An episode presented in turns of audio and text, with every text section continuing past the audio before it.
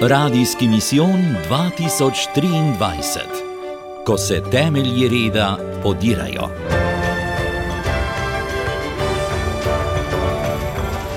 Četrti dan. Skupaj smo močni.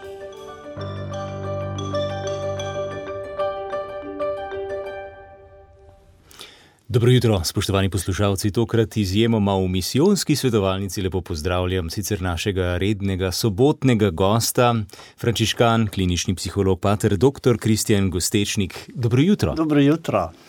Danes govorimo, ja, seveda pod glavnim naslovom o tem, ko se temelji reda podirajo, tudi o skupnosti, ki lahko pride naproti posamezniku. E, teh posameznikov se zdi, da je danes v tem svetu, ko se zapiramo vsak v svoje kamrice, vse več, kako je skupnostjo, kako lahko gradimo skupnost tudi takrat, ko nam to ni najbolj všeč, oziroma zahteva od nas nekaj svobode, vsaj tako se zdi. Eh, o tem bomo in hkrati, kot smo rekli, bomo se ustvarjali tudi skupnost v tej le ne celi pol ure.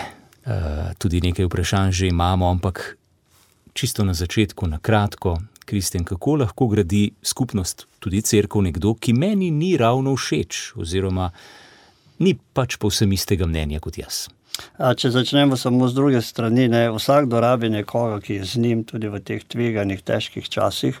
Vsakdo potrebuje nekoga, na katerega se lahko nasloni v teh časih, ne, da ima varen pristan z njim, da je to neki svetilnik, pristanišče, kamor lahko vedno prideš in si tam doma. Če tega človeka ni, potem je pa res hodo.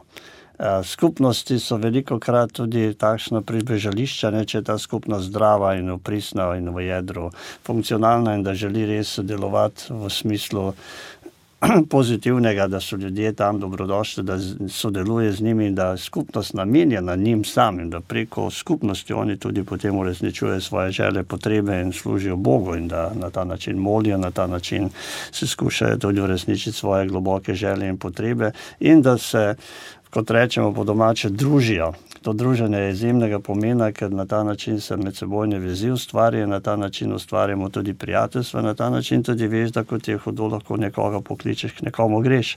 Zato so te skupnosti res uh, zelo, zelo dragocene. Uh, dragocene so tudi skupnosti, kot so recimo družina, če najbolj globoko gremo v njih, tam se res zarežejo najbolj globoke brazde naše prihodnosti in pa pozicije, s katerih mi lahko vedno potem delujemo. Vemo, da smo ljubljeni, hoteni, želeni, da nas nekdo potrebuje, nas rad, nas pogreša in je to nekaj, kar nam daje osnovo za tisto, kar pozneje gradimo v življenju. Tako da skupnost ja, je pomembna. In ko pride v tej skupnosti do izzivov, ja, gremo kar k konkretnemu vprašanju, ki ga je poslala predodajo že uh, poslušalka, ki pravi takole. Moja hčerka in njen partner se izobražujeta nadaljavo glede vzgoje otrok in zato strokovno izobraževanje plačujeta na mesto, da bi otroke dala krstiti in jih vzgajala po verskih vrednotah. To izobraževanje se imenuje sočutno starševstvo. Za vse naj bi se potem otrok sam odločil. Grozno, kakšno breme je to za tako majhno drobceno bitje, čisto nedolžno dušico, eh, piše. Eh, Naprimer, deklica v svojem jeziku in gestami ukaže, kaj naj kdo naredi, in starša jim vsem sledita in ugodita. Samo odločanje otrok piše, po mojem mnenju, in zdravi kmečki pameti ni dobro. Hčerki sem že rekla, ali se res sama odloča, kdaj bo šla spat, kdaj bo jedla, kdaj bo šla v šolo, in na to mi je odgovorila, da naj pustim vzgojo njunih otrok pri miru, da jih bosta sama vzgajala, ker sta starša. Poskusam, poskušam se čim manj utikati, mi je pa izjemno hudo za vnuke in celotno družino, ker vem, da takšna neumna izobraževanja vodijo mlade družine v prepad. Kaj menite o tem? Ja, draga mami, ne, stara mama. Ne. Tako, babi, zelo, zelo skrbite vi za vaše otroke in očitno jih imate zelo radi, zlasti pa za vnuke in bi radi, da bi v tem svetu ti vnuki zaživeli eno polno funkcionalno življenje in veste, da brez odgovornosti tega ne gre. Ne poznam tega sočutnega starševstva, kaj ne bi to pomenilo, poznam pa sočutje. In sočutje do otroka pomeni, da ga naučiš, kako se bo on soočal v življenju s stresom, s porazi, zmagami, s stvarmi, ki ga bodo v življenju doleteli letele, s katerimi se bo srečeval, odnose, v katere bo vstopil in da bo zgradil v sebi eno odgovorno, zrelo osebnost, za kar pa potrebuje starše, da ga strukturirajo, tudi rečemo po domače, disciplinirajo, ne? da mu dajo razmejitve, omejitve in da mu pomagajo, da v življenjskih situacijah, v katerih se znajde, so njegovi sopotniki in da z njim gredo. Če tega ni, potem uh, otroka v bistvu to, kar spa opisuje, pa ne vem, če je to res ta program, je to čisto zanemarjanje otroka otroka ti ne moreš prepustiti, naj se on odloča, da bo jedel istočasno potico sladoled in pil kavico in še sok na vrh. Ne. Starši so tisti, ki morajo tega otroka usmerjati, njegove želje in potrebe seveda prepoznavati in jih potem uresničevati na način, da je za otroka dobro. To je starševstvo. Starševstvo je pomeni, da si tam konsistenten, da si zraven, da si predvidljiv in da si čustveno vedno na voljo temu otroku in da mu skušaš priti blizu in mu urejaš stvari na način, da jih bo on lahko potem v tem okviru uresničil svoje potrebe in želje. Če otroka enostavno pustiš naj dela, kar hoče, samo slediš njegovim potrebam in željam, potem se otroku iz minute v minuto izmišljuje najrazličnejše stvari, ker pa če nimate notranje strukture urejene, ker nimaš teh možganskih. Uh, bomo rekli, strukturno urejenih do take meje, da bi on vedel, kaj hoče, kdaj hoče, kako hoče. Ne. Je to vse zmešano, so starši tisti, ki mu morajo v tej njegovi zmešnjavi in zmedi zares utreti pot, da lahko gre naprej. Zato imamo recimo šole, kjer je strok urnik in strogi predmeti in strogo sledenje eh, nekim učnim vsebinam, ki jih bo otrok absorbiral, se naučil jih eh, integrirati vase in se s mhm. temi začel potem v življenju soočati na osnovi njih, na osnovi tega znanja. Zato imamo vse ostale dejavnosti, ki so posod zelo strukturirane in jasno kaže, kaj se sme, kaj se ne sme, na kakšen način se tam ureja, na kakšen način se vedemo, obnašamo, čutimo, razmišljamo. To nam družba, skupnosti, starševstvo omogoča, da dozorimo v zrelo osebnost. Če pa torej zato imamo te zunanje strukture, če pa mi za otroka prepustimo, da se on odloči, kaj hoče in kdaj hoče, mu res je to čista zanemarjenost. Pomeni, da otroka v bistvu niti ne zmoremo prav razumeti v njegovem jedru, v njem samem. Mhm. Otrok torej rabi disciplino, rabi strukturo, rabi vodstvo, rabi nekoga, ki ga bo vodil, ki ga bo sočutno peljal skozi življenje. Ja, in tu je še ena dodatna bolečina te uh, babice, poslušalke ki pravi, kako naj se tak majhen otrok sam odloča za zakramente, če nima zgleda in niti možnosti, da vstopi v crkvo, piše. Eh, pa, Zdaj, če smo malo bolj ko, konkretni in še bolj preprosto odgovorimo, otrok se ne more odločiti mm. za nobene vrednote. Otroke je treba vrednote dati, vzgojiti, potem se bo že on odločil, kaj bo v življenju pozneje sledil in kaj ne bo sledil. Otroka naučimo jesti žlico, vilico, nožem, otroka naučimo, kako se preoblači, umiva, kopa, kdaj gre spat, na kakšne načine to vse ureja. To so že čiste osnove. Potem ga peljemo v šolo, ga peljemo v vrtec, ga pelemo vse posod in se mora ta otrok, mora, ampak omogočajmo mu, da on na ta način zraste. Isto so verske vrednote, vse te stvari mi otroku damo, ker jih mi živimo. Ne da otroku paleto stvari razgrnemo in reče, da se bo ti odločil, kaj boš hotel. Otrok se ne more odločiti. To je tako, da bi moškemu dal. Uh, konkretno odrasel primer 30 barov ploščic, katere naj on zdaj izbere, nekaj, da bo imel kopalnice. Kaj se, se bomo vsi smejali in rekli, tri mi daj, ne, pa še tisto je preveč, oziroma nared po svoje, samo ja. da bo mirne. Otroko ne moremo na ta način. To je zelo, zelo, zelo slabo za otroka, če mu je na ta način. Hkrati je zelo pogosta miselnost v današnjih časih, tudi glede recimo zakramentov, ko tudi sama poslušalka piše, da s partnerjem nista poročena in tudi otroka nista krstila. Pravite, da se bo otrok oziroma se boste že ona dva kasneje ali pa se bo otrok sam odločil? Torej, to je njuno odločitev, kako mm. ona dva živita, otrok pa je nekdo, ki, ja, če ste se ona dva odločili, da boste tudi otroku dali vse svobode, ne se pozneje odloča, kaj bi hotel in kaj ne bi hotel. Otrok se bo teh, s tem svetom vrednot in ne vrednot, smo mi tako soočeni z vsem tem, da se enostavno ne moreš ne srečati z vsem tem. In če ne, starši ne dajo tega, bo dala ulica, če ne dajo starši tega, da družba, če ne dajo starši tega, bo dalo okolje. Nekdo bo tega mu otroku potem dal tisto, kar se bo otrok pozneje odločil. In je zares tisto, kar starši verujejo, kar starši sledijo, vrednote, ki jih imajo oni, so dolžni svojim otrokom vse to dati. Iz skrbi in iz ljubezni do otroka. Če jaz ljubim vrednote, poštenost, iskrenost, vero, potem bom jaz gotovo to posredoval naprej. Če sem jaz človek, ki spoštujem nekoga, ki je sočuten, ki je prijazen, ki je razumevajoč, verjetno, da bom jaz te vrednote skušal dati tudi ljudem, ki jih imamo v svoji okolici, že v osnovnem prijateljstvu. Če ne, prijateljstva ne moreš gojiti. Najprej jih moraš sam živeti. Natančno tako in s tem, ko jih živiš, jih daš tudi ostalim. In s tem se mi tudi v odrasli dobi potem družimo na teh osnovah. Kaj pa še le otrok, ki še teh vrednot ne pozna, jih niti ne vidi, če mu jih starši ne dajo, a jih potem tudi ulica daje. Ne? Mhm. Nekdo mu jih bo dal in otrok se bo pač ne vzel tistega, od kjerkoli bo že to dobil, ker brez vrednot danes ne moramo živeti, takšnih in drugačnih. Mislim, da je to tema, hkrati bolečina mnogih starih staršev. Ja, našem ja. času. In tudi starši, so ja, vsi zmedeni v tem okolju, ki bi uh mhm. -huh. hoteli otroku najboljše možne, najboljše možne, da mu daje tisto, kar so oni.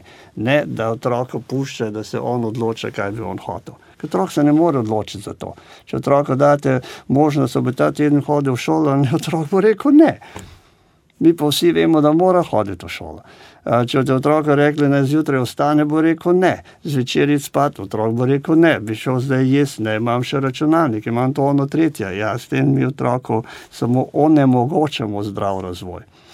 Mislim, da lahko o tej temi spregovorila še v eni od eh, Absolutno. sobotnih oddaj za življenje. Zdaj lepo povabilo vsem, ki nas spremljate, nič ena 512, 10, nič, nič je naš telefon za vaš klic, vaše vprašanje v živo. Z nami je pater dr. Kristjan Gustečnik. Naslednje pismo pa pravi takole: Izhajamo iz družine, kjer je bil oče odsoten, mama skrajno nestabilna, skozi psihoterapijo sem spoznala, da ima najverjetneje narcisistično osebnostno motnjo. Veliko je bilo zlorab, nasilja z njene strani nad mano, od fizičnega do psihičnega. Za mano je štiri leta, so štiri leta psihoterapije, zelo mi je pomagala, vendar opažam, da v zelo stresnih situacijah sploh dlje časa trajajočih, naprimer, da si sledi rojstvo otroka, nepričakovana slu izguba službe, nastop nove, e, se to izkaže nekaj čisto drugega. Skratka, da me vrže v samo obtoževanje in vrtinec krivde, jeze in potrebujem kar nekaj časa, da se čustveno uravnam, vendar ta vihar mene čisto utrudi in izmuči. Ali mi lahko poveste kaj glede tega, kako si lahko pomagam, da do tega vrtinca samo obtoževanja ne bi več prišlo, ker me resnično povsem izčrpa? To je ena tema za eno uro. Ja, ja, čudovito, da je zelo verjamem, da ta oseba, ki tole piše, zelo, zelo trpi, ker to so te prave agonije, notranje razkolje, notranje tema in živ peko doživljajo ti ljudje, ko nimajo nikogar drugega več, kot samo sebe, še in sebe začnejo notranje uničevati, notranje dobesedno izžirati. In se potem mučijo, in imajo pokvarjene dneve in tedne, včasih cele mesece, predno pridejo ven, gre za neko globoko depresijo depresivno stanje, potem lahko celo pri teh ljudeh ne. In to grobo samo obtoževanje, zaničevanje enostavno nisi vreden ljubezni, nihče te nima rad, zakaj bi se sploh kaj šel in tako dalje. In tako dalje Do čistega samo pomilovanja, kot rečemo. Po domače. Ne. Zelo, zelo hudo je tle v teh stanjih zares živeti. Ne. In ni rešitve v teh stanjih, sigurno ne rešitev edino, da greš ven iz tega stanja. Kako pa to narediš? Ena izmed praktičnih stvari, ki jih verni ljudje zelo dobro poznamo, je molitev. Takrat je to crkva in sedi tam v oni klopi in prosi toliko časa, da se počutiš boljše. In jaz mislim, to je zelo korektno in zelo konkretno in zelo zares, ker drugače se mrcvariš dalje. Ti ljudje seveda pol zavračajo vsako pomoč, jaz ne vem, če ta gospa to, ampak ona pač seveda samo na nas potem še ima, samo nas se obrne in v sebi potem skuša razrešiti te probleme, ki so pa nerešljivi, ker sploh niso njeni To je že prva stvar. Ne. Če nekdo ne živi z nekom, ki je tako uh, globoko negotov sam vase in tako v bistvu razklan v sebi in pol tole narcisoidno obrambno da nas, ne pomeni, da nekdo, ki je strahovito aroganten, ne strahovito. Uh, Seved, vsem ima prav, da je to mm. človek, ki je v bistvu v sebi skras, strahovito negotov in ima obupen kompleks manj vrednosti, samo on tega ne pokaže, ne to da nam on pa se seveda na drugačen, na drugačen način vede. Ne. Še enkrat, te gospe, edini, edini način, kako potem prideš ven, je, da ne da ignoriraš te ljudi, ampak da prepoznaš njihovo rano, da računaš s tem, da oni drugače ne zmorejo v tistem konkretnem slučaju in da sebe rešiš. To je danes bil tudi neki napovednik ljubezen do sebe. Kaj je zdaj to mhm. ljubezen do sebe? Ljubezen do sebe je, da se notranje urediš, umiriš, zmoliš stvari in rečeš, v redu, se imam jaz tudi še svoje življenje zraven. Je težko, ne vplivajo ti ljudje name. Sploh, ko gre za relacijo matih črka. Ja. Živeti s to osebo je grozno, razumem, ampak na neki način moraš do konca priti pri tem do, do spoznanja, da ta oseba ob tebi se ne bo nikoli spremenila.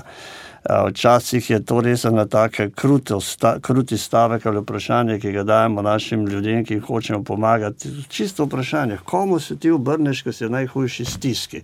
Še boljše, komu se prvo ne boš obrnil, če je to tvoj oče in mama, potem veš, da tam niso ljudje, ki ti bodo pomagali. In da moraš to na neki način v življenju sprejeti in reči: V redu, ti ljudje so drugačni in me ne razumejo, ne čutijo, ne so čustvoje z mano in nikoli ne bodo, ker ti starši se ne spreminjajo. Tudi zakonci se o tem ne spreminjajo. Ne? Ljudje okrog nas se ne bodo spremenili, lahko se pa spremenimo mi in nehamo računati na njih nehamo gojiti, ne vem, katera že pričakovanja, kaj vse nam bodo resničili. Jaz verjamem, da je to grozno iti k mami in uh, zmeraj znova upati in upati, da se bo obrnila, te razumela, ti dala sočutje, te globoko sprejela. Ne zmore. Lahko spremeš, da je tam zelo omejene kapacitete, ki jih ona ima, da jih samo te izvršuje, na tem deluje. Dokler tega ne spremeš, je grozno živeti, se ne nehno raniš, vsakokrat se raniš. To je tako, kot da bi reševal škorpiona iz vode, kadarkoli ga rešiš, te piči. In uh, vemo, da gre zmeraj tja, ker bi rad škorpionu pomagal. Mm -hmm. Škorpion te bo vedno piči, ker je to v njegovi naravi. Včasih so kakšni ljudje tudi taki, da je v njegovi naravi, da te piči, kadarkoli se mu približaš. In se moramo mi s notranjo higieno, ljubeznijo do sebe, razmejiti, reči, da okay, do tukaj je pot in ne grem več dalje. Ne grem po tistega škorpiona. Ja, ne grem po škorpiona. Hvala. Nič 1, 512, 10, nič, nič, še nekaj minut imamo v današnji misijonski svetovalnici. Ja, tudi ljubezen do sebe v postnem času smo in na to se navezuje tudi eh, kratko pismo, ki je prišlo sicer kot odmev prejšnje oddaje za življenje. Takole piše gospod poslušalec: Če zadržujemo slaba čustva, naprimer jezo do svojih otrok, pravi, ali se potem lahko na nje razjeziš v postnem času. ja, Morda eno hecno vprašanje piše, ampak ga zanima mnenje. Ena možnost pravi je gotovo pogovor, ampak ko otrok zjutraj noče obleči bunde za v šolo, je ena možnost, da jezo zadržiš. Ga prijazno oblečeš ali pa nam zaupiješ, naj se obleče sam. In če se taki dogodki ponavljajo, pravi, ne vem, koliko je to zdravo za naš odnos starš-otrok. Ta gospod ima res izjemen smisel za humor. ja. ja jezice je zelo zdravo, samo jezice na pravega kandidata je pa zelo uredo. Torej, če se otrok noče obleči, jasno, da otrok ne bo hotel ničesar narediti in te razjezi še in še ne, in lahko zaradi tega tudi uporabljaš kakšne stavke in besede, ki niso najbolj primerni. Ampak vedeti, da je to otrokov problem, je prva razmejitev. Pri vzgoji, pri vzgoji, pri vzgoji tisočkrat temu rečemo, je tako dobro narediti to, ne samo dobro, nujno narediti to distanco. Kaj je otrok in kaj sem jaz? Otrok, jasno, da ne bo hotel iti v šolo, se obleči, to bude, iti v pravem času, narediti stvari na način, ki bi jih. V bistvu bi, vsi vemo, da jih mora narediti. Otrok na ta način veliko krat išče pozornost, veliko krat res v notranjih stiskah se s tem ne sooča na način, kot bi se rad in se ga moramo mi naučiti, na kak način se on sooča s tem. Da je on jezen in mi njegovo jezo poberemo, se jezimo na njega, je samo en način, ki je silno neproduktiven. Produktiven edini način je, da vemo, otrok je jezen, otrok rabi pomoč, otrok se počuti nemogočega sam v sebi, otrok je nebogljen v sam sebi, on je nemočen v sebi in vse to je dal nam. Mi smo zdaj odrasli in rekli: V redu, dragi, se jaz lahko sebi uredim in pristopim k temu otroku, zdaj ne bom rekel skrajno toleranco in ne vem kaj, ampak samo s občutkom, da on potrebuje pomoč in nujno rabi pomoč z naše strani na način, da mu mi strukturiramo tisto jutro. On se mora obleči, on mora iti v šolo in če z neko mirnostjo, mi tole in ustrajnostjo, absolutno ustrajnostjo gremo dalje, bomo otroku največ pomagali. Mm. Mi se lahko jezimo na vse mogoče načine, otrok se, se zmeraj ne bo oblekel, obleka ne bo šla na njega na račun naše jeze. Bo pa šla bomo pomagali mu, ga bomo oblekli, ga bomo strukturirali za neko mirnostjo, kar je za starše res ne mogoč projekt, veliko krat je pa edini, ki da res zares deluje. Ja, ta ustrajnost je naporna, ker se ponavlja. Ne, ja, ne mogoče včasih in starše zelo dobro razumemo, da je vse na njih in da se nam mudi v službo in z njim se mudi v službo in polno jih čaka tam v službi in so anksiozni in vsi v stiski že zaradi tega, da samo razmišljajo, kaj danes je treba vse v šoli narediti. In zdaj je še otrok, ki zdi na mrtve doma. Ne? Otrok pa čuti to našo stisko, je seveda na njo odreagira in njegov način je, ne grem nikamor. In kaj bomo zdaj naredili? Ja, seveda, zdaj lahko se oba sedeva in zjokava, ne kako nam je hudo in kako je ne mogoče živeti v tem svetu in kako je šele meni hudo, ne, ko imam takšno službo.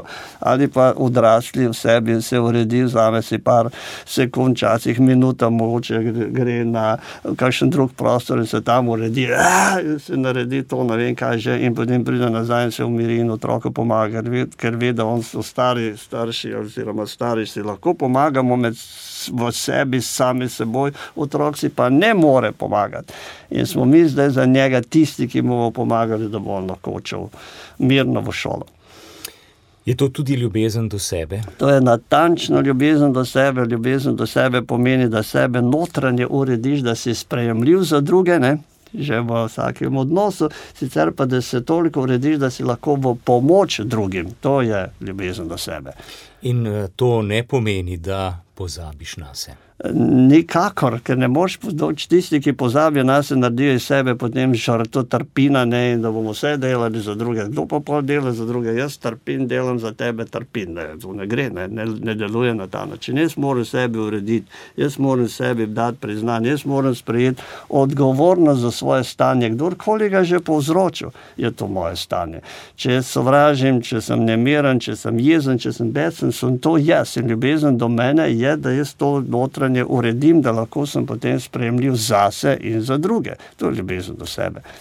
Vse ostalo so take lušne besede. Ne? Moraš ljubiti sebe, moraš imeti sebe rad, ne se veste, da so to stvari, ki ostanejo nekje v oblakih. Ja, zelo v oblakih. Ja. No, morda smo zdaj res v takem času, ko se v družinah dogajajo uh, takšni in drugačni izzivi. Zdaj le se sicer šola že začenja, pa vendarle so to kar znani prizori. Torej, hvala za te usmeritve, zdaj je treba to spraviti v prakso. Če je še kakšno konkretno vprašanje z vaše strani, spoštovani poslušalci, je še zadnji trenutek, nič 1, 512, 10, nič nič. E, sicer pa morda, Kristjan, še to vprašanje, ki smo ga tudi izpostavili v tem našem misijonskem času, današnjem dnevu o skupnosti, kaj pomeni krščanska skupnost in zakaj kot kristjan ne morem biti sam ali sem lahko. A kristjan nikoli ne more biti sam, zaradi tega, ker kristjan pomeni, da si del skupnosti že v samem po sebi, zaradi tega, ker vsi kristjani si del skupnosti, ker mi smo vsi združeni v Kristusu, rečemo tako strokovno, teološko. Mi bomo temu zelo enostavno rekli, s tem, ko nas Kristus ljubi, s tem, ko je Kristus v nas, ker je Bog v nas, smo mi vsi med sebojno povezani.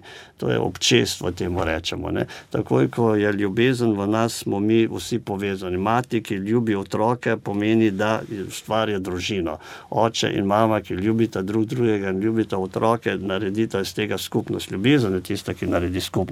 Ker je to razširjeno na vse tiste ljudi, ki jih nekdo ima rad, so njim njegova skupnost. Mi tudi rečemo prijateljstvo, kdo so moji prijatelji, tiste, ki jih imam rad, ki jih ljubim, ki so del mene, ki so do njih sočuten in jaz ustvarjam svojo ljubeznijo, prijateljstvo tudi med njimi, upam, da. Mm -hmm. Bog je seveda močnejši od te ljubezni, zato med vsemi nami tudi ustvarja ljubezen, da se tudi mi med seboj lahko imamo radi.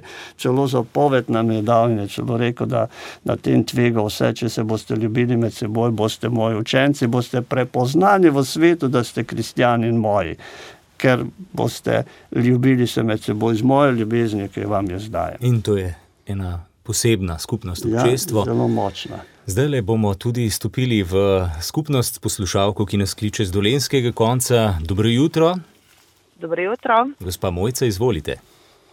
Uh, ja, jaz imam pa eno vprašanje. Uh, mi pa živimo skupaj z mojimi starši. Jaz imam um, moža, pa mislim, niso poročena, no uh, skupaj živiva, pa dva otroka. Uh, in moja dva starša se med sabo ne pogovarjata že tako ene 5-6 let, tudi prej nista imela v mojem otroštvu greh najboljši odnos. Uh, in mene to zelo bremeni. Mm, in to vpliva na zelo veliko stvari. Um, tukaj v naši hiši in tudi zdaj, ko vam to govorim, mi je zelo hudo. No, um, pa mogoče, če imate uh, Spad, to so ene najtežjih stvari, najlažje je, če bi bila to tašča in tasne, ker so ja. malo na distanci, ne in je že drugače, pa to vaši lastni starši. Pa to vedno boli, vedno boli in vedno boli. Manj pa boli, če spremeš to, da oni tako so, na takšen način oni komunicirajo. Ona dva imata zelo globoko komunikacijo, sicer ne govorjeno. Ona ne izgovarjata ničesar, ampak samo med njima se globoko prelivajo v njihovih srcih, v njihovih dušah. Ne vem, so zamere, ali so kakšni globoki konflikti, ali sta kje se razšla in se ne morete več skupaj spraviti. Na ta način ona dva živita in imata izjemno močen odnos, je pa strahovito negativen. In ko vi se tole zdaj absorbirate oziroma jemljete nas, jaz verjamem, da vas boli zaradi tega, ker če kaj hočeš v življenju, pa je, da se tvoji starši razumejo. Če kaj hočeš, pa je, da se ljudje, ki jih ti imaš rad in jih ljubiš, da se tudi oni med sabo razumejo in med sebojno sočutje delijo. In edini način, kako je, ne bom rekel, da se morate vi tem staršem odpovedati, je pa nujno, da v sebi razgradite in rečete: Glej, do tukaj so ona dva prišla, tukaj sta, ne boste se spremenila, ko vi nehate od njih pričakovati, da bodo jutrišnji dan drugačen, vam bo lažje. Da jih spremeš, da so tako, do tukaj so prišli. Vem, da je to ne mogoče sprejeti, ampak je edini način, kako lahko sploh živiš. To je edini način tudi za nekega soseda, ki veš, da je zmeraj razjarjen in da bo zmeraj naredil vse mogoče stvari, zaradi tega, ker je tako notranje prizadet in ranjen in bo zmeraj ranjen in pičen, se pač treba od njega distancirati. Lažje je jasno to, najhujše, ker so to vaši lastni starši. Ampak tudi ona dva sta očitno tako absorbirana v neko svojo bolečino, požrta in žrta, posrkana v to bolečino, da enostavno se ne morete niti pogovarjati in drug drugemu samo dajete en odseva, tako nuklearka, vse vas, vsi ste zdaj prizadeti zaradi tega. Dokler vi ne stopite k vašemu možu in rečete, poglej, tako ona dva živita in mene to boli, a lahko mi dva narediva boljšo skupnost, da bomo mi dva zaradi tega bolj si blizu, da bomo mi dva drug v drugem našla enega sogovornika, neki bo, da bo najn odnos tok močan, da bomo lahko se soočili z vsakim odnosom zunaj najo. Ampak to po prvem vzgibu pa človek vedno išče razlog, zakaj ne bi drugi naredil tistega Absolutno prvega iščemo, koraka. Absolutno, tudi starši bi brezpogojno to morali narediti ampak ne bodo ne, in ne naredijo. In zdaj lahko mi, seveda, vse življenje trpimo zaradi nekoga, ki se ne razume z nekom in so to oče in mama tvoj. Ali pa en dan reče, bom pa jaz ustvaril neke odnose, v katerih se bom jaz počutil varno, ker v bistvu mi hočemo, da se oni razumejo, zato da bi mi lahko pripadali, zato bi nam bilo lažje, če se oni razumejo. Oni se ja. pa razumejo na drugačen način in boli, in boli. In edini način, še enkrat, gospa, vi ste ena zelo sočutna, inteligentna dama, ki bi rada vsemu svetu dobro, ampak mi ne moramo ljudi narediti srečne, če se oni noče biti srečni. Ne? Ja, res je. Ja. Res je. Hvala lepa, no, Seveda, hvala. Lep dan, gospod. Hvala za klic Ja, tudi vam želim. Vse dobro. Nasvidenje. Srečno na dolenski konec in s tem počasi kar sklepamo, da je malce krajša oblika naše sicer redne oddaje, pa v drugem času.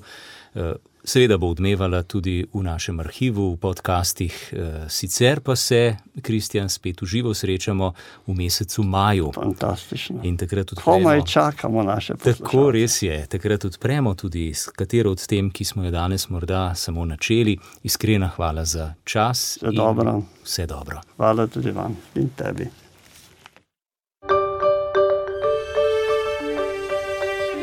Radijski misijon 2023, ko se temelji reda podirajo.